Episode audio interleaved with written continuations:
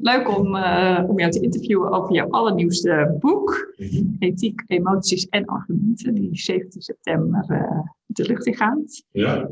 Um, ja, wat, wat, ik leuk vind is dat we beide eigenlijk van de ethiek zijn. Jij komt meer uit de filosofische hoek en ik meer uit de psychologische gedragskundige hoek. Uh, en zo kennen we elkaar ook. En we hadden, jij kondigde op LinkedIn aan dat je een nieuw boek had geschreven. Toen dacht ik, nou, dat vind ik leuk om daar eens met jou over van gedachten te verwisselen. En daarom zitten we nu bij elkaar. Ja. Um, om te beginnen, Rob, is het misschien leuk om te, te horen wat ethiek voor jou betekent of hoe jij het zou omschrijven. Ethiek zou ik omschrijven als de reflectie, en dan ook nog een systematische en kritische reflectie, op alledaagse moraliteit. En kun je daar een voorbeeld van geven? Nou, het is hetgene wat vooral gebeurt als je merkt dat de dagelijks van een zaak opeens anders is. Dat je weet, hier moet ik eens even over nadenken. Ik doe het altijd op deze manier en dan blijf ik opeens dat kritische reacties op. Doe dan iets fout? Ik heb het altijd zo gedaan. Uh, er is wat er veranderd blijkbaar. Oh, ja. Je goed over nadenken. En als je gaat nadenken, dan zit je schiet opeens in de. Oh ja, dus dat is eigenlijk iets wat wel veel gebeurd is dan afgelopen jaar. Afgelopen jaar is dat veel gebeurd. Toch? Ja, Ja. ja. Zeker. Kijk, vroeger hadden we het altijd over, vroeger in de zin van uh, laatste ontwikkeling, is uit 2001. En daar werd geïnterpreteerd uh, waar dan kom je nou tegen aan problematische zaken in het bedrijfsleven bij de overheid. Dan gaat het heel vaak over belangenverstrengeling, of fraude, of uh, milieukwesties, ook al over seksuele intimidatie. En dat waren typische onderwerpen van die tijd. En wat je nou de afgelopen jaren ziet, is dat vooraan staat nu de term integriteit. Dat is een hele bedrijfstak geworden, als het ware.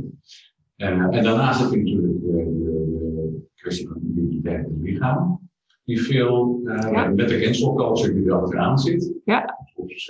Waarvan je de reacties op. En hebben te maken met de coronacrisis, de maatregelen die dat kader genomen zijn, die nogal leiden tot zeg, onmiddellijke verhoudingen. Ja. En misschien ook de hele kwestie van politiek, zowel in eigen land als internationaal. Dat is een lastig verhaal geworden. Ja. Je moet ook in uh, manoeuvreren met de organisatie. Ja. Het komt allemaal bij, of het is echt voor in de plaats. Ik denk dat, dat de eerste die onderwerpen er nog steeds zijn en die er bovenop komen. Dus het punt is, je, je, je, mensen die, die het beleid bepalen van een organisatie, moeten in toenemende mate morele besluiten nemen. En daar is wel iets voor nodig, anders doe je, doe je niet zomaar even. Dus ja. zeker als je dus dus dat gaat niet meer vanzelf spreken, dan moet je er gewoon zitten. Nou, dan moet het dan wel. Ja. Nou, daar ben je gebaat bij was handtekening en wat systematiek dat goed te doen. Ja, en zou, en zou je dan zeggen bijvoorbeeld erop dat nu zeg maar uh, in de coronacrisis, hè, nu, nu is het hybride werken is uh, zo'n thema. Dus mensen gaan weer voor een deel naar kantoor en voor een deel thuis. Hmm. Zit, zit daar ook moraliteit in wat jou betreft? In het nemen van dat soort besluiten als beleidsmakers? Hoe doen we dat dan en hoe ja, dat is ook. Want ik kan voorstellen dat je als beleidsbepaler van een organisatie denkt, uh, voorzichtigheid en beheerlijkheid staan voorop. Dus daar moeten we ruimte voor geven, ruimte voor maken. En dus sommige mensen dan die, als ze wel thuiswerken, op een andere manier zijn kantoor komen, dat het weer andere voordelen heeft. Ja. Dat, dat je dat meeweegt, Ja. dat is natuurlijk uh, een vorm van ethiek. Ja. Als reactie op die nieuwe morele. Ja, precies. Dat zijn het natuurlijk. Ja.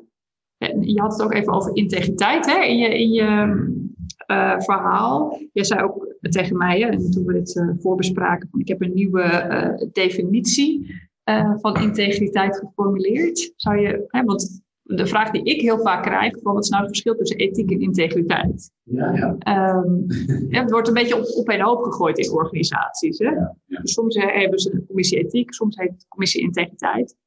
maar eigenlijk bedoelen ze daar dan vaak hetzelfde mee verschil is niet zo duidelijk. Zie jij het verschil tussen die twee ja, termen? Ik denk dat integriteit, maar dit is natuurlijk niet integriteit voor een durf. En een durf is één van de manieren om te kijken naar mooie vraagstukken. Uh, alleen dit is een lastige durf, dus een durf bestaat uit meerdere durven, dus een samengestelde durf. Uh, maar oprecht, natuurlijk, zit er vaak in. En zo kunnen er nog maar bij dingen afhankelijk van de videopraat. Dus een vaste associaties bij wat nou integer is. Maar ethiek is natuurlijk een bredere manier, dat is eigenlijk een om na te denken over alles wat speelt op morele vlak. En de durf is een, van de perspectieven om daar naar te kijken. Dus overigens een perspectief uh, waar we het sterk in zijn in Nederland. Als, als je over ethiek denkt, ik wel vaak aan rechten. plichten aan de ene kant. Aan de andere kant, wat zijn de resultaten? Dus opbrengst, nut van een handel. Maar deugd is een lastige, dat is een psychologische benadering van ethiek. Terwijl uh, recht en plicht is een juridische benadering van ethiek. En die gevolgenafweging is vaak een economische afweging. Er zijn drie verschillende perspectieven, waarbij we heel vaak, als je kijkt naar de, kortere modellen, want naast mijn model zijn uitgebreid zijn. De kortere modellen, vijf stappen, zeven stappen modellen, nee, ook ik moet nog een heel raad in mijn leven. Ja. Uh, dat zijn allemaal veel kortere manieren om redelijk snel met elkaar in gesprek te komen. Ja. Over uh, wat zijn eigenlijk morele onderzoeken bij deze zaak. Nou, dat, die dat is ook raar. Wat ik ermee heb gemaakt is een model dat er vanuit gaat dat je dus heel grondig wil analyseren wat er aan de hand is met dit morele vraagstuk voor jouw organisatie, hoe je daarin een stand kunt bouwen. Misschien wel ook om het aan vast te werken. Zodoende tot een mooie te komen. Dat is ook iets van de laatste vijf à tien jaar steeds meer organisaties doen. Dat dus naast jurisprudentie je een jurisprudentie. Ja. Tussen juridisch en ethisch aanzienlijke verschillen. Ja.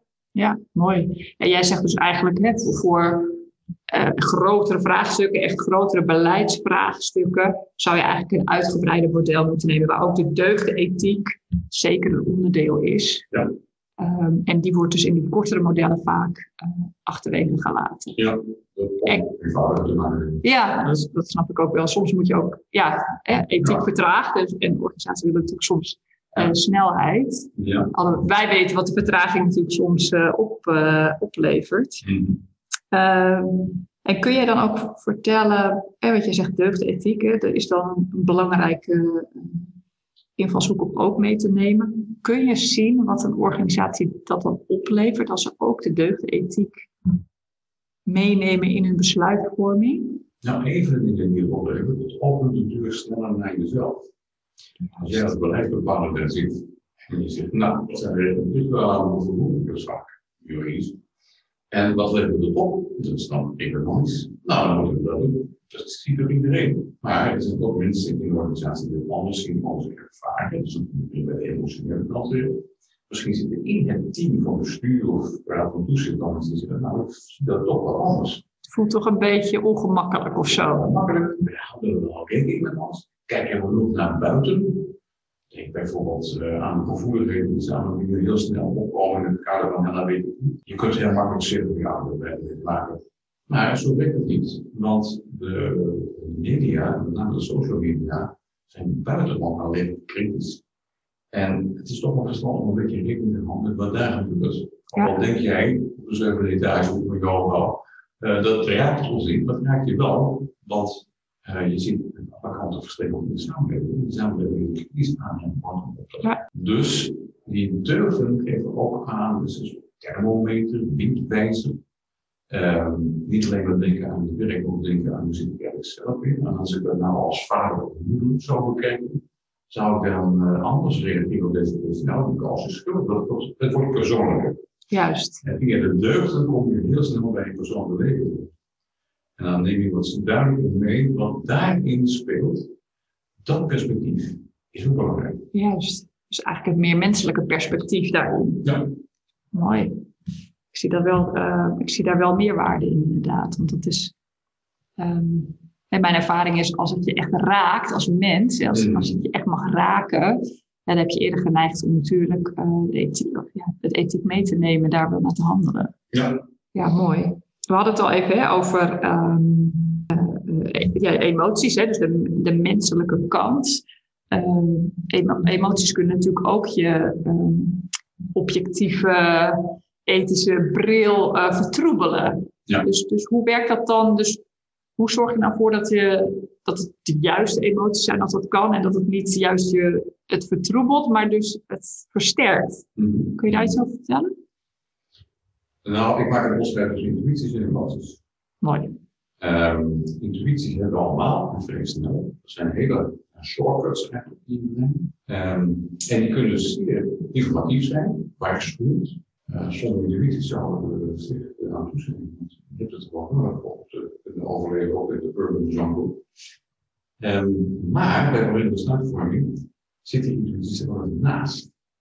Dus dan is het voor jou vanzelfsprekend dat het ene associatie leidt tot de andere associatie. En dan is het de andere hand het geval. En dat moet je wel even in de gaten geven. Dus een intuïtie is snel we gaan ernaast zitten. En beter is zoeken naar wat is nou de emotie die erachter zit. Wat denk ik, wat voel ik bij uh, deze kwestie, opdat ik opeens deze intuïtie in. Dus dan moet je nog weer een beetje bij stilstaan, zonder dat je het nou stukken redeneert, maar wel dat dit taal heeft.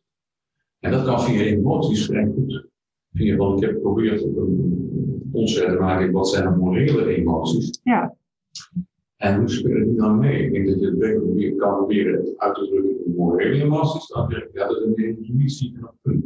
Maar ik intuïtie liever een argument dan een intuïtie uiteindelijk. Dus kijk eens of je via de emotie een argument kan vinden om mee te laten leren in je uh, besluitvorming. Interessant, want, want je zou. Ik, ik gebruik heel veel mijn intuïtie voor het nemen van besluiten. Mm nou, ik weet niet, misschien omdat ik getraind ben in, ethiek, heb ik het gevoel dat het bij mij wel redelijk uh, verweven is. Want um, je hebt natuurlijk emoties ook in de zin van je overleven emoties, dus meer je mm. angstgerelateerde emoties. Dan zit je volgens mij juist weer verder weg van, van de ethiek. Oh ja, want dat gaat het eigenlijk over een soort uh, ja, natuurlijke. Precies. Het gaat die kant op. En dan is het heel goed om je intuïtie te vertrouwen. Maar naarmate het complexer is, en meer mensen en zaken meespelen, en er ook verschillende kanten uit gaan worden intuïtief. Ja, precies. als je goed beslissen hebt, je moet hierover gaan besluiten. En dat, daarom ben ik ook zeer voor dat je het eigenlijk aan gaat steken. Dus als je voor een bepaalde mooie, uh, ja, praktische vraag stelt, uh, dan heb je daar intuïtie bij. Nou, laat dat vooral toe. Uh, zeg hardop wat jouw intuïtie is. Eerste associatie, uitstekend. Maar ben je ook bereid om dat we elkaar bespreken? Nou, die ligt voor de hand, maar intuïtie van jou.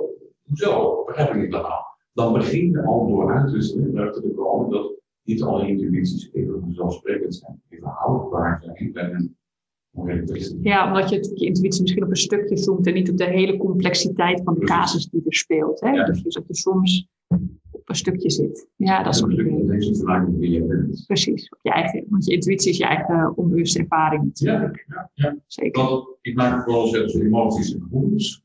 Uh, emoties zijn dingen die vrij snel opkomen met wat beelden. En die, dat, dit krijg je op, heel sterk gestimuleerd door intuïties.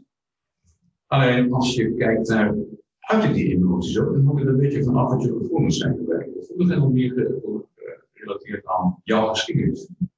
Dus voor sommige dingen ben jij wat gevoeliger dan anderen. Ja. En zo zit het allemaal aan tafel ook. Iedereen brengt altijd zijn eigen morele geschiedenis mee aan tafel. En dus heeft één die intuïtie in ons en de ander die andere. Nou, dan zul je iets van moeten delen met elkaar om te begrijpen waarom de een zegt, ah, alles mee, is alles. Dan is er heel druk over. Ja. Dat is allemaal niet erg, maar het is, het is handig als je dat met elkaar uitwisselt. Ja, het mooie is natuurlijk als je een divers team bent, dat je ook weet dat dezelfde reacties waarschijnlijk ook spelen lager in je organisatie. Want daar heb je ook al deze verschillende. Bij ook. Ja. Dus in die zin kun je wel weten dat veel ja. ja, dus dat geeft weer aan dat de diversiteit in zo'n gesprek juist heel belangrijk is. Ja, zeker. Ja, je had het over uh, morele emoties. Dat is natuurlijk ook wel, wel interessant. Wat, ik zei het belangrijk om te weten wat morele emoties zijn. Uh, kun je dat vertellen? Wat zijn voor jou morele emoties? Nou, en dat zijn de emoties die rechtstreeks gaan over datgene uh, hoe jij naar jezelf kijkt, op moreel gezien. Dus wat de morele waarden die zijn die voor jou spelen, maar ook wat de morele waarden zijn die jij hanteert dus de anderen en anderen dus met jou. Dus dat is interactief. Ah, ja. Dus er is een persoonlijke introspectieve kant aan en er is een interactieve sociale kant aan. Dat zit er altijd in bij die. Andere emotionele over anderen. Hoe bijvoorbeeld liefde. En um, dan hebben we het niet over de brede zin van emotie. Als we over liefde gaat, gaat het niet over uh, seks over relaties, maar dan gaat het over uh, sympathie. En wat die kan het volgen voor het leven met de ander. En bij het voelen is dat niet best om de geweld gaan gebruiken. Maar neemt een zaak van uh, deze man of vrouw doet iets wat mij tegen haar instijgt of hier iets voor de organisatie. Waarom doet hij dat? Uh, dat is ook een vorm van woede of een vorm van afschuw. Dus iemand gedraagt zich absoluut niet acceptabel. Moet er toch meewerken, want die zit in een team of zit in een organisatie. Precies. En wat doe je dan? En goed nadenken met elkaar over wat nou een gepaste reactie is. Precies. En niet te snel zeggen, ik ga optreden. Want daar hebben we toch wel af en toe heel erg graag een voorbeeld van zien. Dat is niet verstandig. Nee. Niet te snel echt zijn eigen handen nemen. En zeggen, ik weet wel hoe het moet. Maar ik denk van, nou, dit stoort mij. Dat ik er zit over praten met anderen. Daar heb je dus met name. Niet voor hele besluit worden genomen. Ja, precies. Zodat je niet vanuit je eigen kader, hè, zoals we net zeiden, je eigen perso- persoonlijke ethiek, hè, die, die weer gebaseerd is op je eigen ervaringen, dat die leidend wordt in wat vinden wij goed en fout hier in de organisatie. Maar dat het wel een mooi signaleringsinstrument is om eens te kijken van hoe willen we dat eigenlijk? Of hoe wil ik dat? Of, Ja, hè? ja. Dit is wel bijzonder. Ik ben een aantal over, nou, natuurlijk zit je op lager spreken, niet Dan is ook wel heel medische bescherming op, dus dat laat je weer lukken. Dus je een beter verhaal moet hebben, dan beter verhaal zou je niet ontwikkelen met je collega's. Ja. Misschien nou weet is, laten we weer passeren. Kan. Willen we dat? Kunnen wij zo'n organisatie zijn waar we passeren? Denk aan al die klachten van vrouwen die zeggen, ik ben misbruikt door de baas. Of dat afgegeven wordt. Ja. En je kunt wel zeggen, achterstand op een monieuze gedoe. Nou, dat is ook voorzichtig. En mijn ervaring is ook nog wel dat je. ehm, dat er altijd verschillende verhalen aan zo'n verhaal zitten. Ik heb wel eens een keer een gesprek gehad in een organisatie. Zes mensen gesproken over een kwestie. En ik had echt zes verschillende verhalen. Dus Ja, ja, het is ook altijd heel ehm, ja, ingewikkeld om te denken dat jouw verhaal ook de waarheid is. Hè? Da- Daar zitten we dan zo in, omdat het zulke sterke emoties zijn die dan omhoog komen. eh, dat je bijna vergeet dat er eigenlijk altijd verschillende perspectieven en verhalen zijn. Zeker. Ja, Dat is reden waarom ik een goed onderscheid maak tussen de bovenste en de overheid. En de, de bovenste overheid die staat om te reconstrueren wat er feitelijk is gebeurd. Maar de onderste overheid schiet iedereen alle kanten uit. Dat je eigen associatie wordt. En soms heb je ook een soort terugdenken van wat er gebeurd is. Zeker, als het de tijd uh, verlopen is. Dan krijg je opslag van herinneringen die behoorlijk gekleurd zijn. En dan zeg je, ja, dat en dat is er gebeurd. Waar ieder andere erbij zit. Dus dan heb je er zelf iets aan toegevoegd in een later stadium. Misschien wel bij een andere partij, bij andere mensen. En dan heb je dat samengevoegd in je verhaal. En dat is dan je herinnering geworden. Nou, daar moet je goed mee oppassen. Ja. Hoe verder het terug is, hoe lastiger het is om te zeggen, nou zo was het. Ja. Tenzij het zeer zware, ingrijpende herinneringen zijn, die blijf je als een soort korte film bij. En dat kan dus wel eens gebeuren, maar even goed kan het daarna nog gebeuren dat er een ander stukje kunnen toegevoegd ja. Ja, dat is ook omdat we natuurlijk graag ons verhaal stand willen Ja, laten houden. Ja, dat los. Nee, dat snap ik wel, ja. En Rob, wat ik nog wel interessant vind, hè, van, van ja, die, eh, die directie en die raad van bestuur, die eh, wat ons betreft eh, wat met dit thema zouden moeten. Eh, wat zie jij als hun grootste blinde vlek? Of waar hebben ze zeg maar, het minst zicht op kijken? Of wat zou hun grootste kans zijn op ontwikkeling? Nou, dat begint met de, de leerbereidheid. Kijken wat er allemaal te melden is. Uh, Over ethiek zelf bedoel je? over echt, zelf Ja, en over de casus. en over de casus, ja. Signaleren. Dit en dit is wel een waarschijnlijk. Dan is het goed om eerst aan te besteden aan de vraag, wat is er gebeurd? En hoe is er op gereageerd? Uh, hoe ging dat verder en waar zitten we nu? Dus je moet eerst de case goed reconstrueren. En niet te snel afhalen, ik heb dit gehoord en dus gaan wij dat. Nee, eerst goed de case beschrijven. Dat zit nu ook in dit model, dat we uitgebreid analyseren. Kijk, heb ik alle mensen aan boord om hierover de juiste worden besluiten? Zijn we er zelf toe in staat als de wet wel toezicht? Er een paar mensen bij dus specifieke zaken. Halen die er dan bij?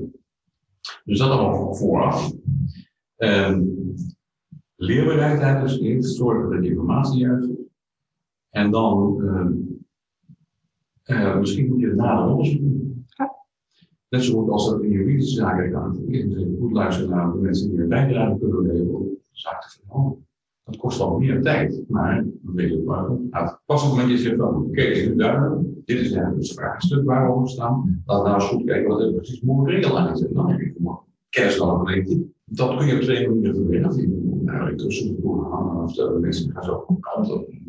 Zo het is daar direct weer aan hoor. Je kunt ook zeggen, uh, laten we gewoon bij onze eigen associatie bij deze uh, case werken. En zorg dat er iemand bij is die echt verstand van het is. Ja. En die zal zorgen ter plekke die ook op naar het ethisch jargon.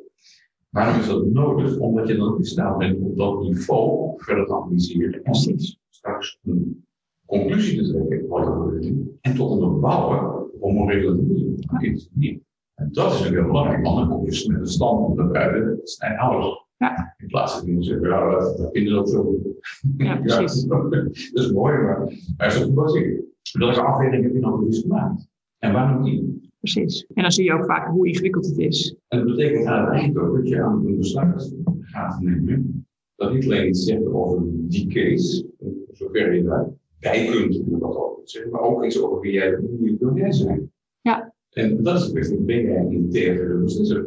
Ja. Dus neem je persoonlijke afweging in je eigen geschiedenis mee in je afweging, dan durf je het ook zodanig neer te zetten. Ja, dan komen we weer richting ethisch leiderschap, waar ik dan weer een proefschrift over geschreven heb. Ja, dus de grootste blinde vlek is eigenlijk zeg maar de leerbereidheid als eerste. En het tweede is dat je zegt, ehm, eh, het dan ook naar een moreel niveau kunnen tillen. En daar heb je vaak wel iemand nodig die er wat objectiever naar kan kijken en ook die jargon eh, kent. Ja. Dat is eigenlijk, zeg, dat, zijn, dat zijn de twee belangrijkste.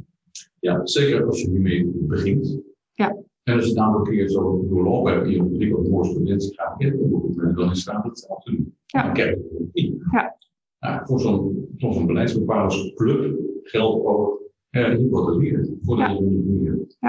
En het Ja. interessante is natuurlijk dat, dat hè, mijn ervaring is dat met de organisatie wil natuurlijk soms gewoon te snel. Hè? Ja. Ze willen snel een besluit, snel door. was ook wel in een organisatie, die hadden ook een commissie hè, die hier dan dingen mee deed. Maar die, ehm, mijn grootste vraag was toen, jullie bereiden het zo erg voor hè, bij, eh, bij de Raad van eh, Toezicht en eh, Raad van Bestuur, eh, dat het eigenlijk al ja, het was helemaal al dichtgekaderd. Snap je? Dus ze hadden, het, ze ze hadden het onderzoek gedaan, ze hadden alle argumenten voor en tegen neergezet. En zo werd het gepresenteerd. En dat vond ik wel interessant. Toen zei ik van ja, maar dat, ehm, je stuurt ze eigenlijk al Ja. kant op.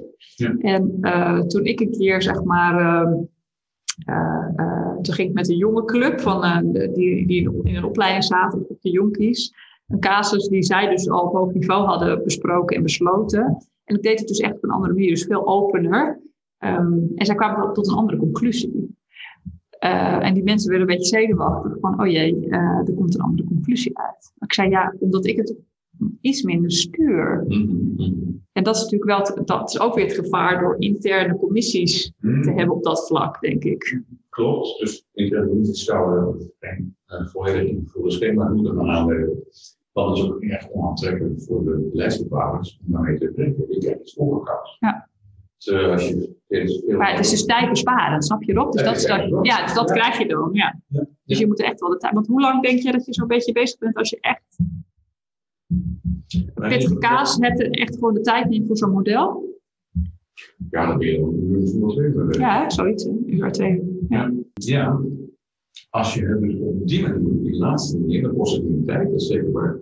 Maar het voordeel is natuurlijk dat je zelf veel meer geïnvolveerd bent in het proces. Dat zelf ook inzicht, precies weet wat je daar waarom en ook meer gevoeld hebt als het ware waarom het die uitkomst. Dus je kunt het meer uitdragen, je kunt het meer je visie verwerken. En uiteindelijk, mijn ervaring is dat het op de lange termijn wel weer tijd bespaart. Want als je dit een paar keer heel goed hebt gedaan, gaat het de zesde keer, de zesde keer natuurlijk sneller. Wat, wat is met alles wat je leert. Ja, ja. Dus- is. En wat er aan het eind ook bij zit, wat ik al een paar keer meegemaakt heb, dat een groep zegt, nou oké, dus we zijn al eens dat dit gaan doen. Maar, en dan ik weer doen. Want daarna moeten ze wat impliceren. Wat is nou precies ons standpunt? Op welke reden? Hoe we dat doen? Hebben we dat precies zo? Ja. Niet gelijk zeggen dat de secretaris gaat het uitwerken. Nee, dat zelf goed formuleren.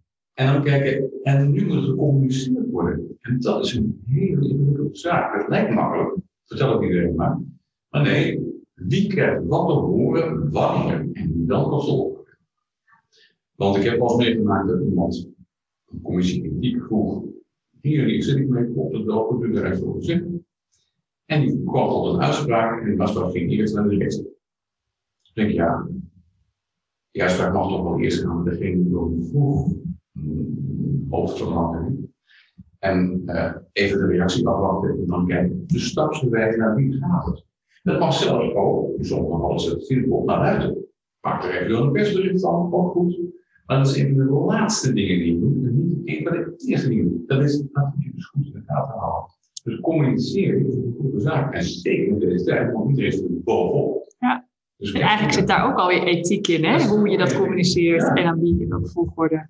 Ja, Ja. dus word ik buitengewoon. En ik zou het op drie keer doen en extra eh, controleren wat er precies naar buiten staat.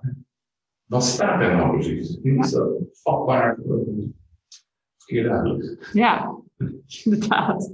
Eh, En Rob, misschien eh, leuk, hè? Eh, je hebt dus dat, jouw laatste boek, hè? Zo kunnen we zeggen, denk ik, nu gepubliceerd. Ehm jij hebt de coronatijd daarvoor gebruikt om dat eh, eh, te schrijven. Ehm, wat is nog, zeg maar, ehm, hè, ik, zet, ik zet een linkje in de tekst van de podcast dat mensen je boek kunnen kopen. Ehm, wat, wat, hè, want je zei, ik heb er heel veel lol ook aan gehad, hè, om een keer alles weer samen te pakken en een soort samenvattend boek eh, eh, te schrijven. Wat is nou nog het, zeg maar, het, het- het leuk om te delen over je boek? Nou, dat was wel, wel een, een prettige constatering dat ik na half jaar in de ruimte kom, dat waar ik begonnen al in, dat er toch een lijn loopt naar nu, dus 30 jaar later. En dat gaat dus over de vraag, ja, rechtsvaardigheid is een prachtig begrip, hoe geven we dat nou vorm in de praktijk? En daarvoor heb je enorm veel context nodig. En ik zie er altijd en nog steeds in. Dus ik wil naar, naar rechtvaardigheid doen, maar niet hoe ik moet. Het kost van alles, wat alles is een context. En soms moet je het afzwakken en genuanceerd zijn. Die lijn zit er steeds in. Maar niet erin. Nee, je kunt er heel in komen. Alleen je zult er praktisch in moeten denken. Dus mijn boek gaat ook over de vraag. eh, hoe doe je dat dan als de context zo is? Nou, dat betekent dan onderhandelen. In feite. Dus mijn basisidee is onderhandeling te doen. En niet iets waar een die dat altijd van toepassing zou moeten zijn. Of uh, prachtig opvatting die maar wel kant. Of altijd zo op de wet en ik, ik merk daar niks van. 30 jaar uh, met ethiek bezig in de praktijk heeft mij niet toegebracht. Dat ik denk, oh, we moeten dus altijd dit doen. Nee, niks altijd doen. Altijd kijken naar wat is in deze context juiste midden. Dat is eigenlijk.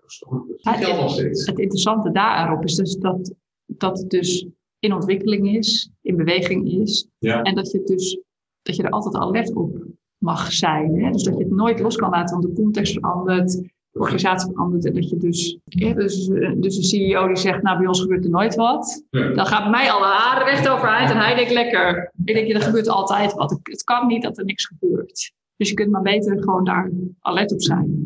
Hè, dat zeg je eigenlijk. Ja, en dus ook de kanalen opzetten waardoor dit soort informatie kan stromen in de. Juist. Dus goed luisteren, eh, mogelijkheden bieden om iets aan te kaarten, daar verder over te praten, te gaan onderzoeken. Die houding, het is ook een een houding. Ja. Als leidinggever heb je die houding nodig om goed op de hoogte te zijn van de mooie bemoeienissen in de organisatie, de mooie onrust. Ja, is er nog iets la eh, als laatste wat je zou willen delen, Rob? Ik zullen er even langs komen, maar uh, wees dus niet uh, al te voorzichtig met het bijhalen van anderen om iets als op te starten en beter te worden in morele reflectie toepassen. Uh, het is ook de bedoeling dat iemand er altijd bij zit, maar hadden wel zeggen begin waarbij hij dat kan en doet. Ik begrijp best dat het een goede onderwerpen zijn. Dat was eigenlijk mijn final Dankjewel. Nou, zoals gezegd, uh, superleuk dat we gesprek konden hebben over je nieuwste boek en je laatste boek. Uh, in het uh, berichtje hieronder zet ik de link waar ze het boek kunnen bestellen.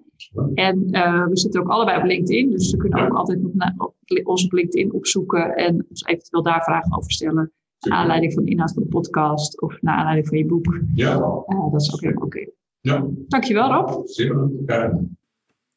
En we hebben nog een hele leuke verrassing uh, voor jullie. Op 8 oktober van 12 tot, tot 1 organiseer ik een lunch en learn rondom dit thema. Rob van Es is daarin uh, mijn gast. En uh, we nodigen jullie uit om met ons in gesprek te gaan over het thema integriteit. Stel eens vragen over de, over de podcast. Stel eens vragen over het boek van Rob van Es. En ga met ons discussie over dit prachtige thema en de ontwikkelingen die helemaal spelen bij dit moment. Geef je op uh, door me een mail te sturen, karianne.asel.nl. Er zijn 10 plekken en er zijn al 6 bezet, dus wees er snel bij. Ik zie je daar graag.